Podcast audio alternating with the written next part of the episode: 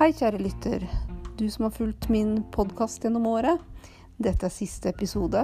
Det har gått tolv måneder, og jeg har funnet ut at det går fint an å leve på sparebluss.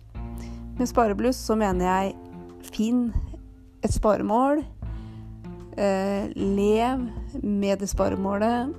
Finn ut hva er det din økonomi tåler. Og bare dann deg et liv rundt det, rett og slett. Jeg gikk ut i juni i fjor og påsto at jeg ville klare å spare 17 000 i måneden. Det tror jeg kanskje jeg ville klart, men det var forferdelig stramt.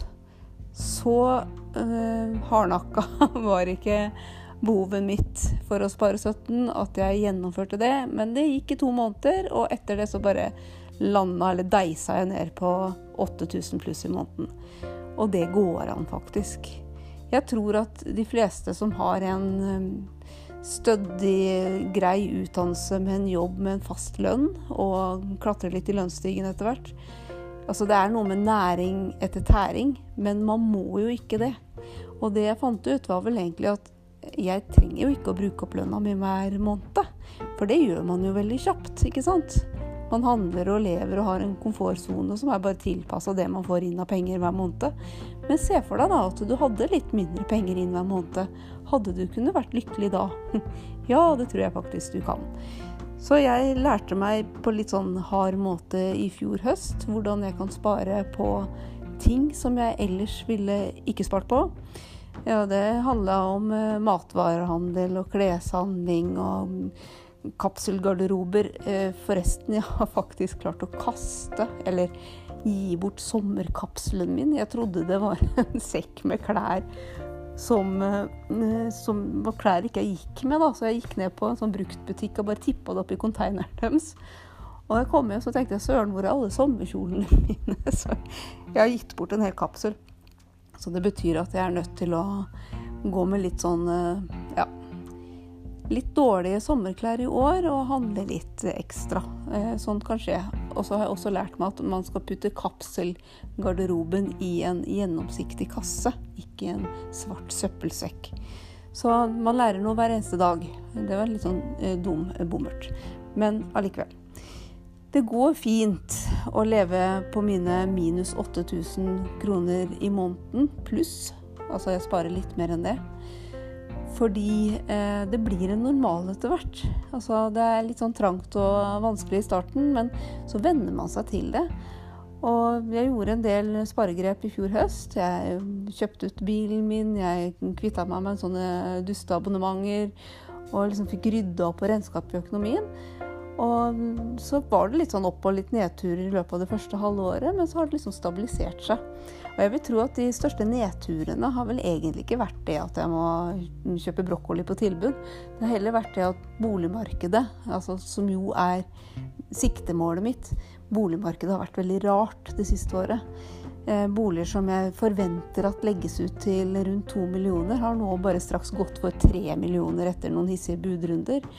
Eh, jeg tror at boligspekulantene har bare meska seg i den lave renta og, og virkelig kost seg eh, i det segmentet som jeg egentlig befinner meg i.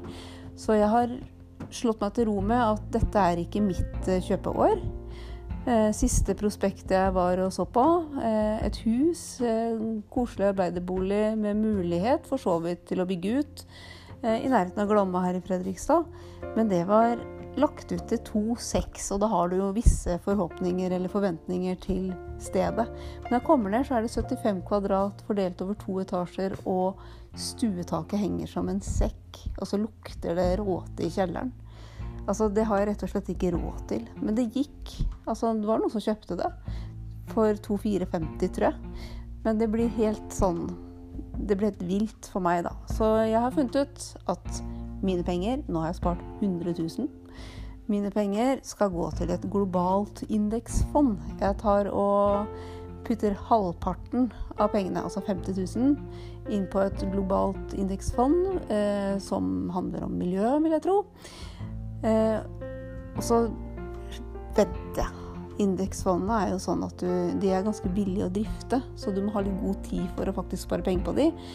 Og jeg ser for meg at jeg kan godt bruke de neste seks-syv årene eh, hvor min minste barnet mitt går på barneskolen, og bare ta det med ro. Eh, la pengene vokse, fortsette sparingen min, og heller nyte den utsikten jeg faktisk har fra min fjerde etasje i en Obos-leilighet eh, rett ved Fredrikstadmarka. Jeg lider ingen nød. Og det er veldig mange mennesker rundt meg som prøver å fortelle meg det. Ja, men Liv, folk bor i leilighet, og så kjøper de seg hus. Og så bor de i hus i noen få år, og så flytter de tilbake til leilighet. Og det er ikke uten grunn det, vet du, sier de da. Du kan bare stikke nøkkelen i døra, så kan du gå. Du trenger ikke å beise, du trenger ikke å kjøpe nytt, du trenger ikke å bytte tak. Du trenger ingenting. Ja, ja, ja, hører jeg da.